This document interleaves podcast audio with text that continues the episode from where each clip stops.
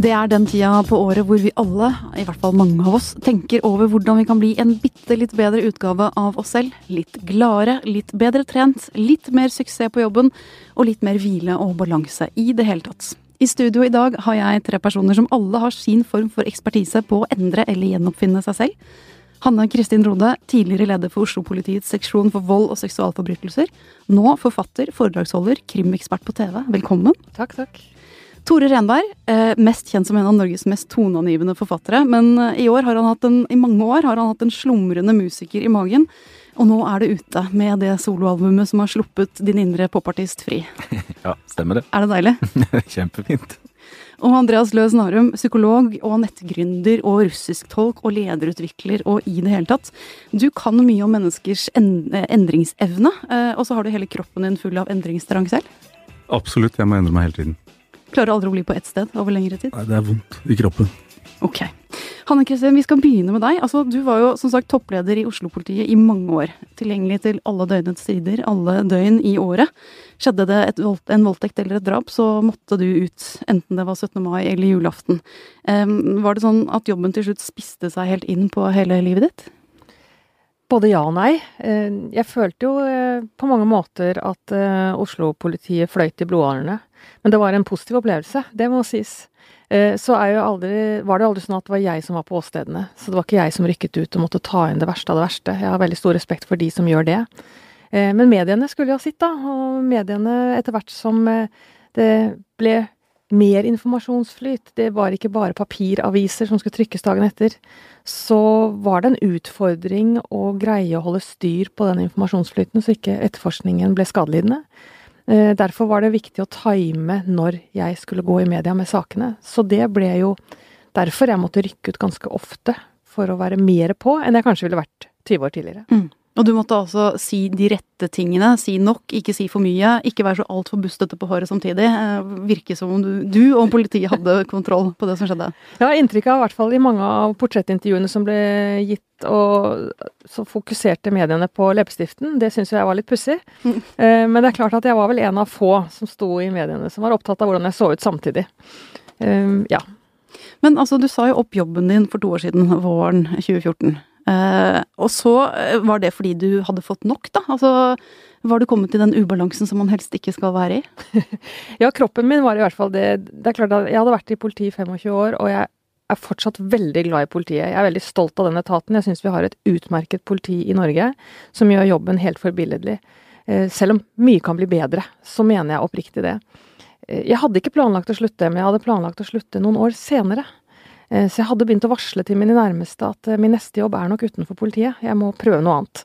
Eh, jeg har lyst til å være kreativ på en litt annen måte enn å finne ut hvordan i all verden skal jeg få brukt altfor få penger på altfor mange oppgaver. Mm. Men så ble jeg syk. Jeg ble slått rett ned, rett ut. Jeg gikk fra 200 til null i løpet av sekunder. Og fikk oppleve hvordan det var å være på den siden i elleve måneder. Hvor var det det skjedde? Jeg sto og holdt et foredrag eh, som politi, men da for eh, en bedrift som ønsket et foredrag om ledelse og lederskap basert på min politierfaring, og så begynte rommet å snurre, og så gikk jeg rett ned. Eh, så da var det etter hvert utover dagen Jeg kom meg hjem, men det ble da fulle sirener til Ullevål sykehus. De var redd for hjertet. Eh, det var det ikke. Eh, min konklusjon er nok at jeg var totalt utbrent. Jeg hadde vært administrativ leder av terroretterforskningen. Jeg fikk samtidig to veldig syke barn eh, svigerfar dør, og i løpet av det året skal jeg da prøve å være på mange steder, enten på sykehus med en av ungene, eller hjemme og ta med den andre, eller på jobben og være en god leder for medarbeidere. Eh, og når dette året går mot slutten, så forsvinner Sigrid Giskegjerde Sjetne.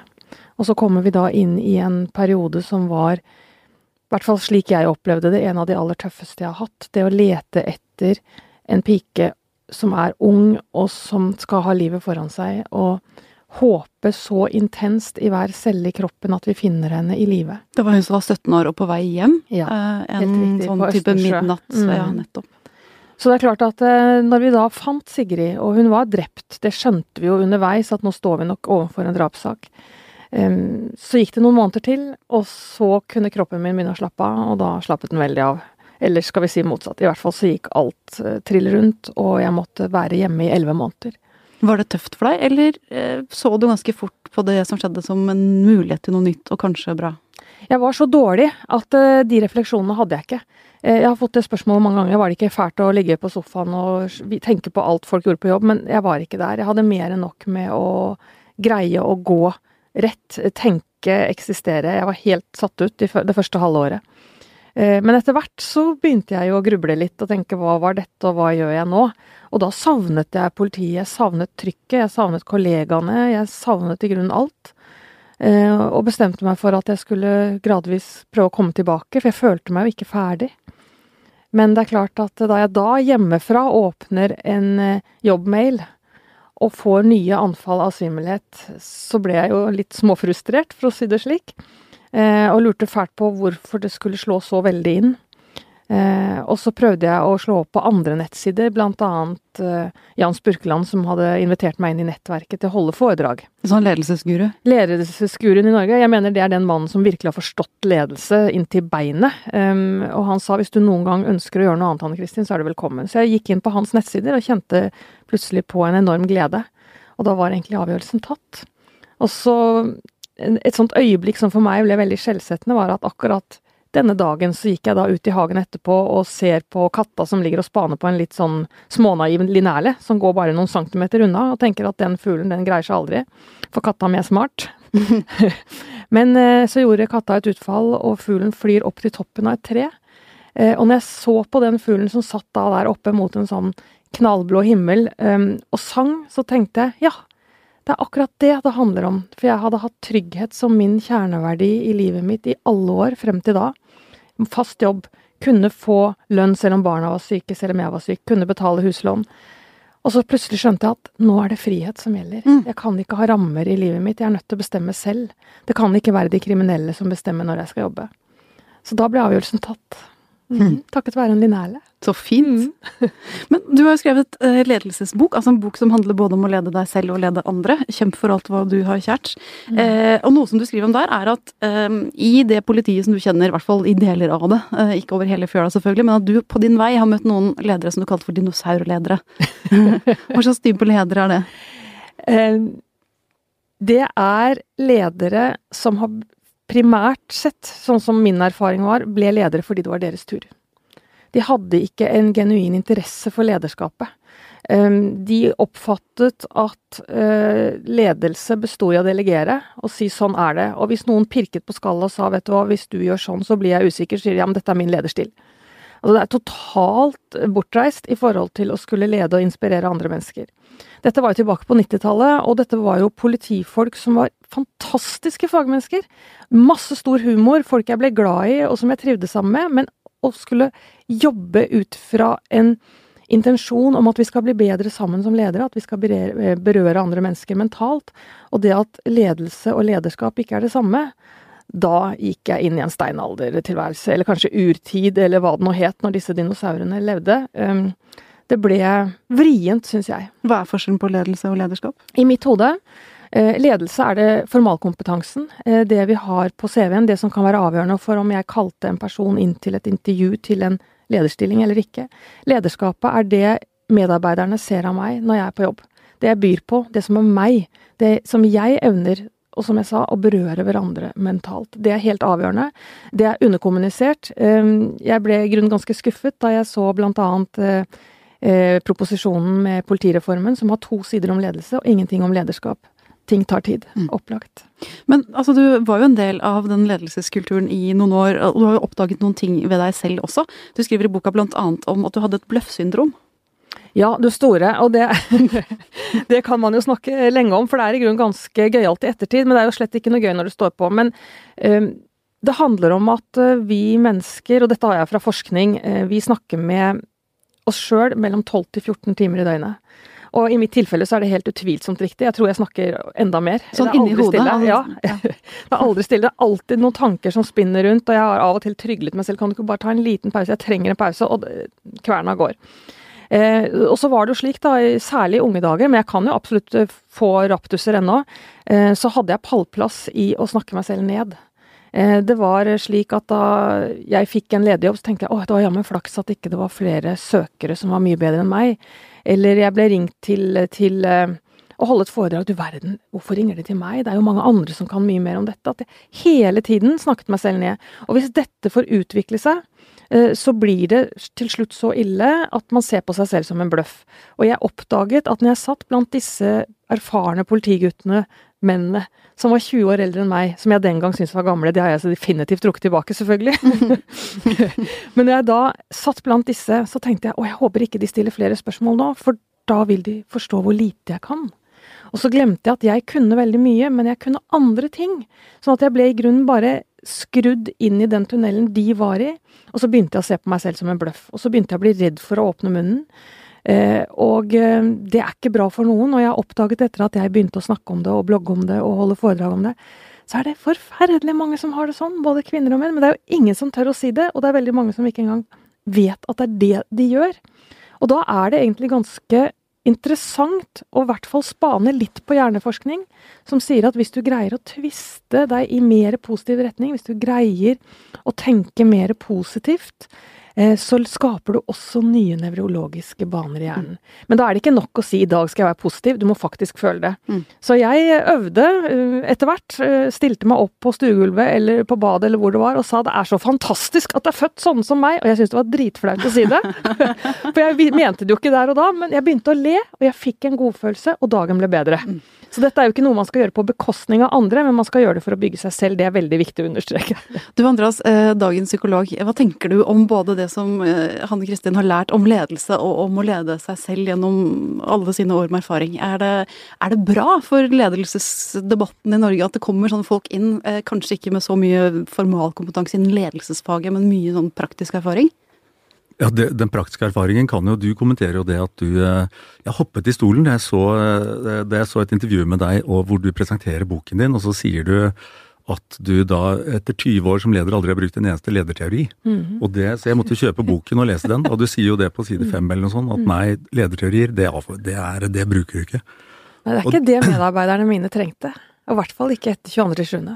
Nei, jeg syns, jeg syns jo det var veldig morsomt at du mm. skriver det, for du skriver altså samtidig om disse dinosaurene som du er blant. og og når man jobber med teorier, da, så, det, så, handler det om å stå på skuldrene til noen som står på skuldrene til noen som står på mm. skuldrene. Det handler om å bruke eh, historien og bruke det andre har tenkt. Mm. Og, så av, og, så kaster du hele fagfeltet i søppelkassa, og så skal du finne det opp selv. Mm. Er ikke det litt sånn dinosauraktig? Ja? Nei, jeg syns jo det er utrolig innovativt. Og jeg syns det handler om å tørre. Uh, men for all del, nå spisset du det jo kanskje litt vel mye. Ja, ja. Jeg kaster jo ikke en eneste teori over bord, men jeg sier at det jeg hadde bruk for når det kostet, det jeg hadde bruk for når det virkelig røynet på, det var jo å bruke meg selv og gå frem til et menneske og si 'hvordan har du det', hva kan jeg gjøre for at du skal få det bedre, hva mm. kan jeg gjøre, eh, eller unngå atferd som du har negativ erfaring med. Og da er det ikke teorier jeg trenger, vet du. Jeg trenger å ha evnen til å lytte. Du kunne, du kunne jo ha funnet ut det, for det er jo teorier som sier det, da. Teorier er jo da Jeg tenker at du har litt sånn aversjon mot teorier fordi du har vært utsatt for noen sånne der unge nyutdannede økonomer som har tre ukers kurs i Amerika, og som kommer med powerpointene sine. Uh, og de, for de, blir man, de får man en litt sånn allergi for. Mm. Og, og, at du da, hvis du har opplevd det, så skjønner jeg at du da mm. tar veldig avstand. Mm. Men, Men jeg, jeg tar ikke avstand, altså. Det du gjør der, det er, jo, det er jo i tråd med veldig mange teorier som du kanskje kunne ha plukket opp litt før, da. Men før, men før dette blir da en teori, ikke-teoridebatt, eh, la oss ta den, din helt personlige teori, altså Line-Erle-teorien. Den frihets, eh, mm. frihetsteorien din. Hvordan går det med den nå? Har du, har du blitt den Line-Erla som sitter i toppen av treet og synger? Ja, det er sikkert noen som uh, syns jeg er en drage, men uh, det tar jeg som et kompliment. Uh, ja, vet du hva. Det som har blitt veldig viktig for meg, er nå å styre egen tid. Uh, gjøre det jeg mener er riktig. Det å prøve å være et godt menneske. Det å prøve å være en ressurs.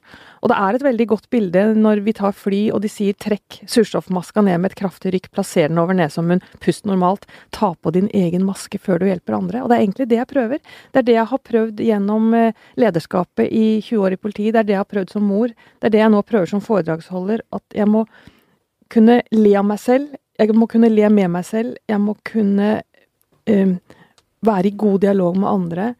Og bruke min frihet til å være det. Det er ikke lenger en politimester eller en politidirektør eller en justisminister som skal si ja eller nei til det jeg har lyst til å si. Fordi at det er en del tabuer i Norge, og vi er veldig opptatt av å være korrekt. Mens det kanskje kommer vi tross alt lengre med en sannhet som fremmes på en ordentlig og velmenende måte. Og så får du jo fortsatt litt true crime i livet ditt gjennom Åsted Norge på TV 2, da. Du er ikke helt borte fra, fra krimmen og forbryterne? Det var veldig godt å pirke lite grann, grann i ekte krimsaker igjen, ja. Tore, eh, vi skal ta en liten tur tilbake til 90-tallet, du og jeg. He- 1990, faktisk. Altså, Ja. du spilte da i et band som het Hekkan, Ja.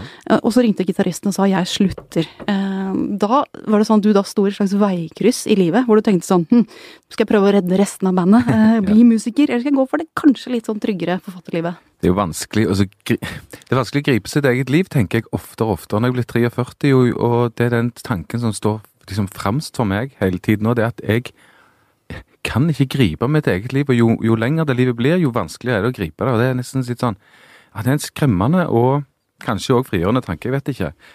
Men i den grad jeg kan det, så er det sånn at når jeg tenker på dette, så var det et sånn et, i dette unge, unge norske livet, det er en veldig viktig dag. Jeg hadde satsa på noe med den unge kraften som bare de herlige unge menneskene har, da. Over mot det, sant. Øvd fem dager i uka med bandet, og vi skulle bli like stor som DumDum Boys eller et eller annet. Og så er det sommerferie og late dager, og så ringer gitaristen og sier at nei, han oppløser bandet, han. Han vil dra på, dra i militæret eller begynne å jobbe, eller Og, så står du der. Ok. Så jeg ser, Nå er det etterrasjonalisering, og du bygger myten om ditt eget liv, hva som har skapt deg, men for meg, i mitt lille, enkle liv, så er det en av de der dagene da, som, som satte noe i bevegelse. Ok, hva skal Tore gjøre nå? Ja, han, han, han drev og skrev dikt og, og sånn, så ok, da satser jeg på det. Eh, men jeg har tenkt ofte på det, ja. hva, hva hvis? Hva hvis? Hva hvis? Ja, ja. Eh, I årene som fulgte, så lyktes du jo veldig godt, eh, kanskje ikke så mye som lyriker, men i hvert fall som romanforfatter. Altså, du har gitt Norge Nasjonen historien om mannen som elsket Yngve og Kompani og Orheim og masse annet. Romaner og noveller, og du har fått gjeve priser og deltatt i samfunnsdebatten og i det hele tatt. Men Men så har det vært en litt sånn Har du hatt musikken på si? Har den vært Ja. inni deg, eller? Jeg har alltid spilt. Jeg, jeg var jo Altså, nå gjør jeg anførselstegn her i podkasten. jeg har alltid, spilt, alltid vært musiker siden jeg var en liten gutt. Spilt fiolin og piano og, sunget og holdt på. Og så, eh, så det har jeg følt inni meg at jeg er. Og det går nok mange mennesker rundt og føler at de er ting. Som, men så har du en profesjon. Eh, du jobber i politiet, eller du er eh, journalist, eller hva det nå du er. Men så inni deg så er du ganske mange andre ting. Og Men mennesker kan jo flere ting. Det er ikke noe hokus pokus, det. det er sånn er vi mennesker. Men så har du en ting som du gjerne blir kjent for i arbeidsmiljøet ditt, eller i mitt tilfelle eh, i, i deler av det kulturinteresserte Norge, da. Men inni meg så har jeg kjent hele veien at jeg, jeg er jo musiker, da. Mm. Jeg, jeg er det, altså. Selv om, så, men så kan eh, Og jeg er kjent sikkert i mine kretser som en, en mann med nokså tullete selvtillit. Helt latterlig selvtillit. Altså mye av den? Mm. Ja. Og naturgitt. Ja. Så jeg hørte på det fascinerende, så, så um, Aldri hatt noe sånn bløffsyndrom? Anne Kristin snakket om Jo, jeg har, jeg har blitt murt inn i noen sånne situasjoner når jeg har vært ut forbi kompetanseområdene mine. Eh, Og da har jeg følt meg, akkurat det som du snakket om, følt meg så forferdelig dirrende naken og ubehagelig til stede i rommet. Eh, Jeg hadde noen sånne greier på universitetet, husker jeg, hvor jeg satt og, og bløffa meg gjennom en muntlig eksamen til en helt ufattelig Jeg bomma på års, århundre. Jeg bomma ikke på år, jeg århundre på Descartes, sant. Og litt sånne ting. Men ellers, når jeg holdt på med litteraturgreiene mine, så har jeg kjent at av en eller annen grunn så kan Tore dette. Og det, det har jeg lov å si. Det, det, Og så har jeg eh, gått til med den. denne- Jeg vet ikke hvorfor jeg har hatt en sånn selvtillit. Jeg er jo glad for det.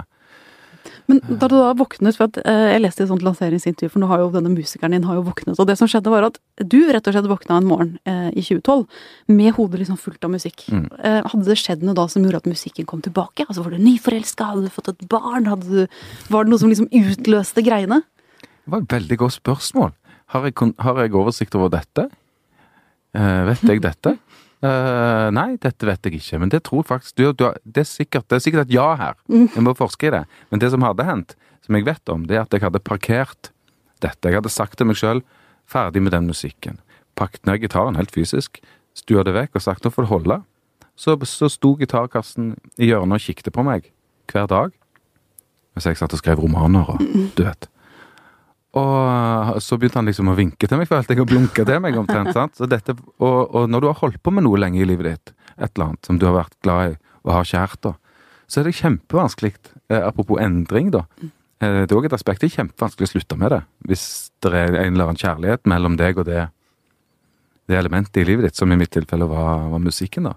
Og så Da begynte det å krible noe så fælt. Jeg begynte å våkne fem om morgenen eh, og bare ville én ting. Spille gitar. Sant? Det er mye god endring i å bli bedre òg, da. Øke egen kompetanse. Det er Ja. deilig å kjenne at du blir bedre til å spille eller synge. Eller. Ja, det er helt sant. Men altså, det han sa tidligere, eh, Andreas, at han er altså Tore, 43 år. Jeg er 39. Eh, snart 39, og holder på å gå i bakken av frykt for 40-åra. Eh, er det en sånn klassisk 40-årskrise, det her med at nå må jeg i hvert fall Nå må jeg slippe ut den indre musikeren min, nå må jeg bli det jeg er på innsiden som ikke Men det er ikke en krise i så fall, for det er jo bare en 40-årsglede. Åh, det var fint sagt. Det er ikke, dette er ikke en krise for Tore. Dette er jo en Og det er det fine for meg nå. Skuldrene mine er Jeg er kjempespent og nervøs, og sånn, men de er, de er lave. og Sånn, jeg er herlig i ro med dette inni meg sjøl. Popstjerne, ja vel. Altså, jeg vil lage litt god musikk, synge sangene mine, og så kjenner jeg at jeg Det er, det, ja, det er krise helt motsatt, da. 40-årsglede. Den tar jeg notere på Ja. arket, for det syns jeg var veldig fint. Det er ikke tull engang, eh, kjære deg. Altså, det er 40 år, syns jeg er helt topp. Det var de beste. Ja, helt topp. Sier jeg som da har passert 50 år. Ja, jeg, 40-årsglede jeg syns det er et fantastisk begrep også. Det er, og det da å, å være Det handler ofte om min identitet på en eller annen måte. Da. At har jeg nå, som jeg er blitt godt voksen, gjort det jeg egentlig så for, at jeg, så for meg at jeg skulle gjøre da jeg som drømte i ungdommen? Har jeg nådd målene mine? Er dette det? Skal jeg liksom gå i dette sporet nå herfra til jeg eh, runder av som 95-åring? Det er jo et skremmende spørsmål. Det er ikke glede. Nei, ja, ja, det er litt sånn uro ofte. Og, det, og da må man Men da, det fører ofte til endring, da. Da gjør man, tar man jo opp nye sporter, eller kjøper seg den der motorsykkelen og blir sittende i rullestol, eller liksom hva som da, hva som da skjer. Men eh, Tore, altså, Mm. du er da ute nå med et album som heter Ingen nåde. Ja. Eh, og jeg leste et eller annet sted at eh, opp gjennom åra så har du hatt veldig lyst til å være både Nick Cave og Preple og Lemmy. Mm. Eh, hvem var det du ble til slutt? det, det er fordi at jeg, det kan kanskje være interessant å snakke om, for det, det er noe vi vil bli fordi vi har idealer, da. Og det kan jo være sånn i mitt tilfelle popmusikken, eller Jeg ville jo òg bli fot, altså spiss på Liverpool, men det er sant. Da var jeg liten gutt, da. Du vil bli noe. Og så er det litt sånn eh, Hva er du? Hva er, det du, hva er potensialet ditt? Eh, de vokalistene her, det er sånn folk som howler, growler, brøler og skriker. Min stemme er liksom varm og myk. Så det tok meg noen år å erkjenne at det kan ikke naturen min prestere. Men kanskje den kan prestere noe annet som kan være fint å høre på. Hvis du da klarer å lytte til, lytte til deg sjøl. Og det er ikke så enormt enkelt, for det, det er ikke så enormt enkelt å få øye på seg sjøl. Og du, du er jo hele veien til stede i deg sjøl og uttrykker deg sjøl, og så skal du samtidig få øye på det. Det er komplisert. Mm. Det tok meg veldig lang tid å kjenne at Preple han får være i fred. Eh, jeg har ikke den naturen i meg. Dette er gjelder da stemmebruk, sant. Eh, det har jeg nok gått gjennom eh, Når det gjaldt litteraturen min, så gikk jeg gjennom det for 15-20 år siden. Jeg skrev jo en bok som het 'Mann som elsket Yngve', som noen har lest. Mm. Og det var den første romanen jeg skrev som Tore Renberg. De bøkene jeg skrev før der, kan jeg se nå, de er skrevet av en unge gutt som veldig gjerne vil bli storforfatter. Ja. Så han prøver da Mm. så godt han bare kan, og han kan det ganske godt, for han er nokså flink. Han prøver så veldig å ligne på den og den og den og den som han har lært på universitetet eller andre steder at er, er bra og viktig. Men jeg kan se i de romanene at de er feike litt, da. Mm. De er litt sånn De vil. Og så kom den boken, eh, 'Mann som elsket Yngve', og folk kan jo like den eller ikke, men det jeg kan se, det er Tore sin bok. Så det var kanskje Det var kanskje målet hva sier, hva sier du, Andreas? Det, det, det tenker jeg meg oftere og oftere at det er det som er målet med livet ditt, da. Tore sin bok, Tore sin musikk. sant? Marte sin måte å snakke på, Marte sin måte å skrive på. Det er liksom, når du, Hvis du kan komme dit i løpet av livet, så må det være et greit mål. da. Det er jo faktisk stammen også i boken min 'Kjemp for alt hva du har kjært'. Det der Ja. å komme inn til beinet. Eh, hva er det som kan få nettopp deg til å blomstre? Ja. Hvor er det du kan blomstre? Det handler ikke om å få pallplass.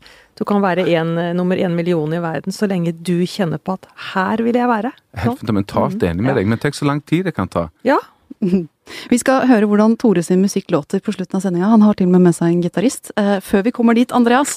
Du, du har valgt å stå i løpet av den samtalen her. Jeg føler jeg må se litt sånn opp til deg når jeg skal snakke med deg. Men det er fint, for da får du fugleperspektivet på alt som skjer her nede, og som sitter rundt bordet. Hva tror du etter å ha lyttet til disse to? Det der med å liksom finne sin indre seg selv, eller hva det nå er. Er det, er det noe vi alle trenger for å bli lykkelige? Enten vi er 43 eller 27 eller 52 eller hva det nå er. Absolutt. Jeg jobber jo også som parterapeut. Og som, Som parkterapeut. Par. Ja. Parkterapeut. Ja, man kunne sikkert trengt en parkterapeut. også. Det blir den neste jobben. Ja, det blir neste jobb, blir parkterapeut. Ja. Eh, men både som parkterapeut og som lederutvikler, så er det, det den bestillingen jeg da ofte får, den, eh, det handler om en sånn, en sånn pekefinger, hvor den eh, da lederen eller det, den i paret som, som føler seg mest forurettet, peker da på partneren sin og sier du, bestillingen er, fiks ham. Ja. Eller fiks disse kollegene mine, få dem til å se lyset, se mitt lys. Så det, det der med å kjenne seg selv er ganske skummelt. Altså det er en grunn til at det har vært en sånn refreng gjennom hele historien, sånn fra grekerne og til nå. Og dere sier jo begge to her, at det der med å kjenne seg selv Så Begynn med å kjenne seg selv, for derved må man, kan man kjenne andre. Er, og, da er og det er da det jeg Fagfeltet mitt handler jo om å sette ord på måle og sette ord på individuelle forskjeller. For jo flere av dem du kan sette ord på, jo bedre, lettere blir det jo da å kappe opp, eh, altså på å dele opp eh, mange av de der forskjellene som er mellom deg og meg, sånn at vi kan snakke om dem uten at det blir tabubelagt eller skummelt. For enten det er på jobben eller i parforholdet, så, det, så vil de forskjellene ofte ligge og, og bli gnagende. Det er sånn at du irriterer deg litt over det rotet til han som du deler pult med. Så irriterer du deg litt og litt og litt, og etter at det har gått altså, x antall måneder, eller i hvert fall hvis det har gått år, så kan du ikke nærme deg det spørsmålet uten at du blir rød i toppen og, og kommer med ganske sånn personbeskrivende adjektiver som da ødelegger alle former for samtale. Men hvis du da kan si at det handler om personlighetstrekket kontroll og ryddighet, og her er det åpenbart at du er litt lavere enn meg. Jeg får litt sånn vondt i kroppen jeg når alle papirene dine sklir over på min del av pulten. Kan ikke du være så snill å holde det hos deg? Da er det plutselig en samtale det er mulig å ta, og det er en samtale som da ikke har den der harmdirrende pekefingeren som, som jo er en anklage om at du egentlig har manglende menneskelige egenskaper. Men eh, jeg kan røpe at den foregår en del hjemme hos meg. Altså Min mann kan si sånn Jeg har det litt vanskeligere enn deg med at alt er veldig rotete på kjøkkenet, så nå kan du ta en runde der. Og så har jeg lært meg å si sånn Ja, da kan jeg gjøre det, for sånn, eh, sånn er du og jeg. Men eh, hva er det, hvis man ikke klager over rot, hva er det man klager over i parforholdet når man kommer til deg? Hva er de typiske tingene som man har å utsette på hverandre? Mm, ofte er jo det at det har utviklet seg et mønster hvor man da misforstår hverandre og, og blir gående og litt sånn anklagende og, og, og vokte på hverandre. Føler, det er utrygt, rett og slett. Det er et eller annet i det daglige mønsteret man har utviklet som gjør at man føler seg Det er litt skummelt. Du går og er litt sånn i fight or flight hele tiden. Når kommer det en syrlig kommentar? Når er det så Skal jeg få skylda for det? Å, nei, det Og så, og så er det ulike stadier da, av den typen urovekkende mønster som gjør at man da sover dårligere. Og, sover, og, det, og det Av og til er det jo også sånn at de som kommer til meg, har, um, har vært utro. Altså det er oppdaget et utroskap, og da er det jo veldig oppoverbakke. Det er mulig å fikse det hvis begge vil, men det, det, er jo, det tar jo mye lengre tid og er mye hardere arbeid enn hvis de hadde kommet et år før. Så det er ett år før det der utroskapet skjer. Da er det, så det å ta en, en time hos en eller annen ekstern person mens det er relativt bra, da, det er eh, sabla god kost-nytte på. Ja, Nærmest sånn service på bilen, liksom. Når du har EU-kontroll, så kan du ta relasjonen Årlig service, det, det trenger alle biler og alle parforhold. Er det ikke sånn at det er en sånn terskel for det? der? Jeg, kan kjenne det i meg sjøl, må jeg innrømme. Bare den tanken på at jeg skal gå i parterapi. Nå trenger ikke det akkurat nå for tida, det skal jeg eh, stolt og glad si. Men, men eh, hvis jeg nå, og der har jeg vært før, hvis du skulle ko- komme dit sånn Bare det å si at det, det må jeg gjøre, eh, det jo for mange av oss, kanskje flere menn enn kvinner, det kan du svare på om rett eller feil, kjenne at det er et nederlag. Mm. I Norge er det jo litt sånn at gå til parterapi, det gjør du nesten bare idet skilsmissen Ja. måte, det, det står der i horisonten og truer. Det er for å forhandle om barna, det, egentlig. At- Det er for å forhandle om barna, da er løpet kjørt. Men det syns jeg er helt feil, fordi, og, og dette er det jo altså masse teorier om. sant? Det er skrevet tusenvis av bøker om det her, og det er en sånn annen, annen jobb jeg gjør det, da. Så jeg, jeg har spilt inn 75 samtaler du Introduksjoner til 75 samtaler du bør ha med din partner. Oi. Basert da på, eh, på eh, veldig mange bøker, for jeg har kjøpt Ja, jeg leser mye bøker. Ja, hvor du sier dagens tema er rot på kjøkkenbenken, eller eh, hvordan du ser på andre damer, eller den Ja, type ting. da, fordi da går jeg inn, og så deler jeg da opp i, i, i sånne der bolker det er mulig å ta en prat om hjemme, på, hjemme i sin egen stue. Så jeg snakker om det, det og det, og husk på det og det og det, og her er huskelisten. Og så prøver jeg å få folk til å snakke sammen, sånn at de da ikke må bruke penger på skilsmisseadvokat, for de er dyre, de. Eh, Men altså det man trenger da, hvis man er oppe i en sånn eh, vi må snakke om noe-situasjon, så det er jo endring. Og da eh, er det lettere å endre seg selv da, enn å endre den andre. Det er også et utgangspunkt mange har, at, eh, at du må endre deg.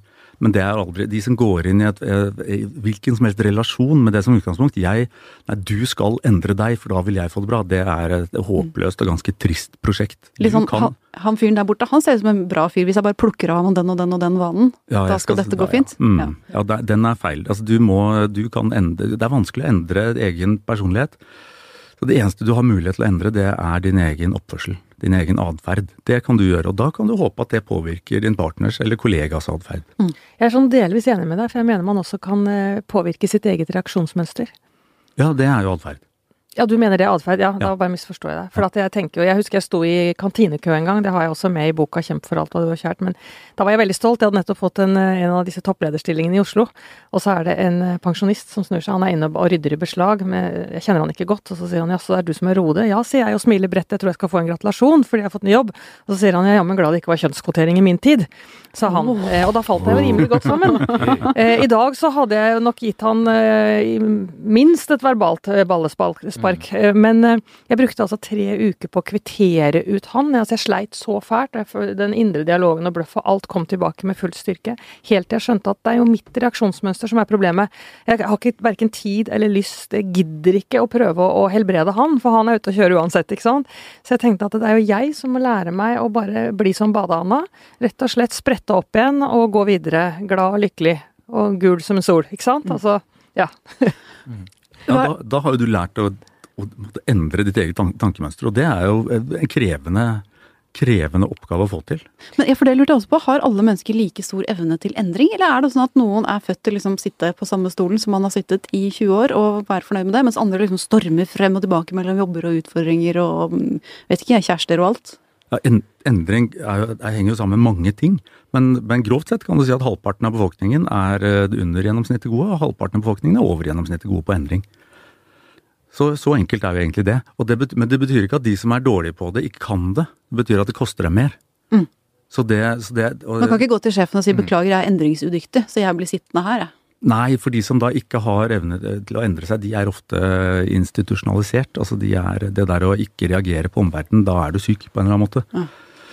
Jeg kan tenke eh, mye på det. Vi har snakket mye om det hjemme òg i det siste. For Hilde, eh, dama mi, sier det at det, det arbeidslivet du lever jeg, jeg ville kollapse under eh, vekten av den forandringen du utsetter deg selv for bare i løpet av en dag, sier hun. Det, det, det, det, er superskummelt, fordi jeg hele veien prøver nye ting. Ja, nå skal jeg være teaterregissør, ikke noe problem med det. Juleplate, ikke noe problem med det. For min idé er gøy, syns jeg. Jeg har ikke noe frykt for det, egentlig. Mens i privatlivet mitt så vil jeg veldig gjerne at alt skal være helt fantastisk stabilt hele tiden. Vil gjerne komme hjem til Og hvis ja, det ommøbleres da hjemme. Det syns jeg er stress. Det syns jeg er skikkelig hva? Skal, Ja vel, så stolen står der, ja. Sant? Da ble jeg litt sånn Er det litt typisk, Er det nødvendig? Er det litt sånn at det er greit å ha det liksom stabilt på én front? Enten så har du en veldig trygg jobb, og så kan du cruise rundt i privatlivet, eller så cruiser du rundt i jobblivet og har det veldig stødig hjemme. Er er klassisk. Det høres jo litt fint ut å ha det sånn. Ja, og, da, og her må du, som du sier, da, du, liksom, du beskriver det veldig godt, sånn som du jo gjør i bøkene dine. Altså, dæven som du skriver. Da er det jo da er det, det der å ha, ha e- noe som er stabilt, som du kan måte, ha som grunnmur, og så kan du eh, undersøke og eksplorere og leke og finne ut eh, på, på det andre. Men hva er, eh, hvis du skal avslutte, Andreas, med å gi oss noen tips, og for så vidt du også, Hanne Kristin. Hvis du da skal prøve å endre atferden og reaksjonsmønsteret ditt, bli litt annerledes på noen områder, hvordan gjør du det? Hva skal du si til deg selv for å komme i gang med prosjekt litt bedre enn meg?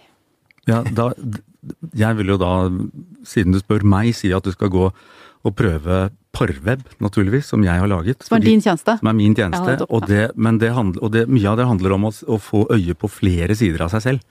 Sånn at du kan lære deg, da, sakte, men sikkert, eh, å oppføre deg ulikt til alle rundt deg. Du, hvis du er innadvendt, oppfører du deg ulikt overfor en annen som er innadvendt, og en annen som er utadvendt. Altså, du må tilpasse din egen atferd. Det er basert på hvor du er. Det er lett sammen med noen, og så er det vanskelig sammen med andre. Altså, Anne Kristin hadde da vanskelig for å forholde seg til noen av disse lederne, som var dinosaurer, og lettere for å forholde seg til andre. Og det, det er da mye lettere hvis man da kan ha en sånn indre dialog som handler om at ja, dette er jo mine forskjeller, mine styrker, mine svakheter, det er lett for meg, da vet jeg det. Herlig, hente energi der. Det er tungt og vanskelig for meg, da må jeg å, powerpose litt og måtte hente styrke, og så, må jeg, og så kan jeg gå ut og ta den kampen, men da vet jeg at det er en kamp, og da har jeg forberedt meg, og da, og da går det bedre. Da er det faktisk eh, Vi samles på slutten om den indre dialogen, etter ganske mye ytre, eh, ytre dialog. Det er fint. Det er et sitat av Eleanor Roosevelt som jeg syns passer å runde det av med. Hun sier 'ingen kan få deg til å føle deg mindreverdig uten ditt samtykke'. Og hvis man har med seg det, så er det også lettere å forholde seg til andre. Det var veldig fint sagt. Nå har Alexander Flotve kommet inn og tatt på seg sin gitar. eh, Og Tore tar på seg sitt headset og skal synge litt. Um, Tusen takk til vår produsent Magne Antonsen, som gjør det mulig å høre denne musikken. Og til eh, Hanne Kristin Rode og Andreas Løs Narum og Tore Renberg, som var gjester i dagens pod. Vi hører igjen neste uke. Vi skal spille en sang um, som jeg lagde en gang. Jeg syns at uh, det var skikkelig trist å være alene, og jeg savna alle de som jeg har kjære. Og den heter 'Vil du komme nærmere', og den går sånn som dette. Og så to, så tre, så fire.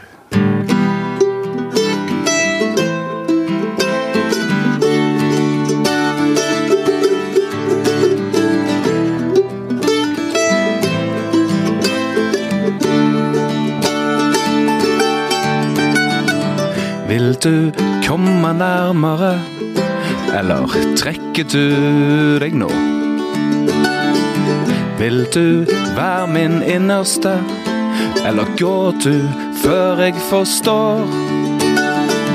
Alle sa du kom til å forsvinne når det blei varmere under føttene våre. Da legger du visst alltid i vei. Du skal vite at jeg skal kjempe. Er du fullstendig klar over det? Jeg er ikke dummere enn deg, og du er ikke dummere enn meg. Ja, vi bærer hjernen over jorda. Dette her er det ingen av oss som forstår. Bombene, døden og savnet. Jeg står her og venter hvis du angrer. Jeg skal ikke late som om jeg vet mer om deg enn du gjør. Veien ifra Rogaland til himmelen må jeg gå før jeg dør. Jeg kan gjerne innrømme hvert sekund gjør meg panikk. Ja, enda sterkere. Min kjære framfor ditt forsvinnende blikk. Vil du vite hvem jeg var før? Greit, jeg kan gjerne fortelle deg det. Det var en du ikke ville kjent igjen. En du ikke ville kalt din venn. Ja, nå har jeg sagt det, nå er det ute. Jeg har sunget deg din bedrift. Styrken du ser her, styrken du svekker. Den var det du som skapte.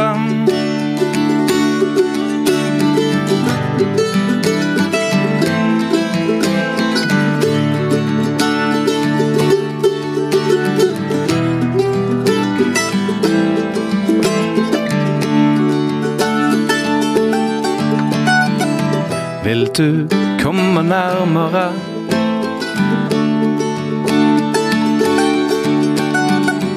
Vil du komme nærmere? Du skal vite at jeg skal kjempe, vær du fullstendig klar over det. Jeg er ikke dummere enn deg. At du er ikke dummere enn meg. Ja, vi bærer gjerne over og Dette her er det ingen av oss som forstår. Bombene, døden og savnet. Jeg står her og venter hvis du angrer.